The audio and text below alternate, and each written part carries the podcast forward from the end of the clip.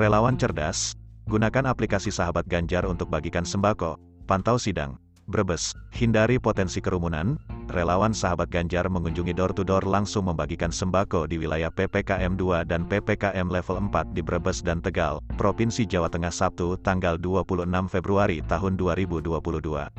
Dengan menggunakan aplikasi Sahabat Ganjar, Para relawan juga melakukan pendataan dengan maksud agar tidak terjadi pengulangan bagi warga yang sudah pernah menerima sembako. Tentunya aplikasi ini juga digunakan untuk menambah dukungan untuk Ganjar Pranowo pada masa pemilihan presiden tahun 2024. Ketua DPW Sahabat Ganjar Jawa Tengah, Parikesit Sosrodi Harjo menyampaikan harapannya terkait penggunaan aplikasi ini, sebagai kelompok relawan cerdas, Penggunaan aplikasi, Sahabat Ganjar, tentunya sangat membantu kami dalam membagikan sembako kepada masyarakat. Selain itu, dengan melakukan pendataan dapat lebih mempertajam dukungan dari warga di wilayah Jawa Tengah untuk kemenangan Bapak Ganjar Pranowo, ucap Parikesit Sosrodi Harjo.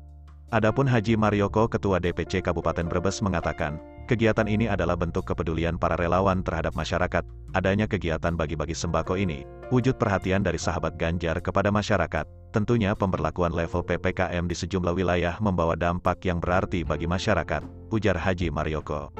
Setelah membagikan sembako, kelompok relawan Ganjar Pranowo yang mendukung BRIN dan IKN Nusantara juga menggelar aksi larisin modalin kepada pedagang UMKM di Kabupaten Brebes dan Kota Tegal. Para relawan membeli dagangan pelaku UMKM, sekaligus membagikan kepada masyarakat sekitar, atas kegiatan tersebut.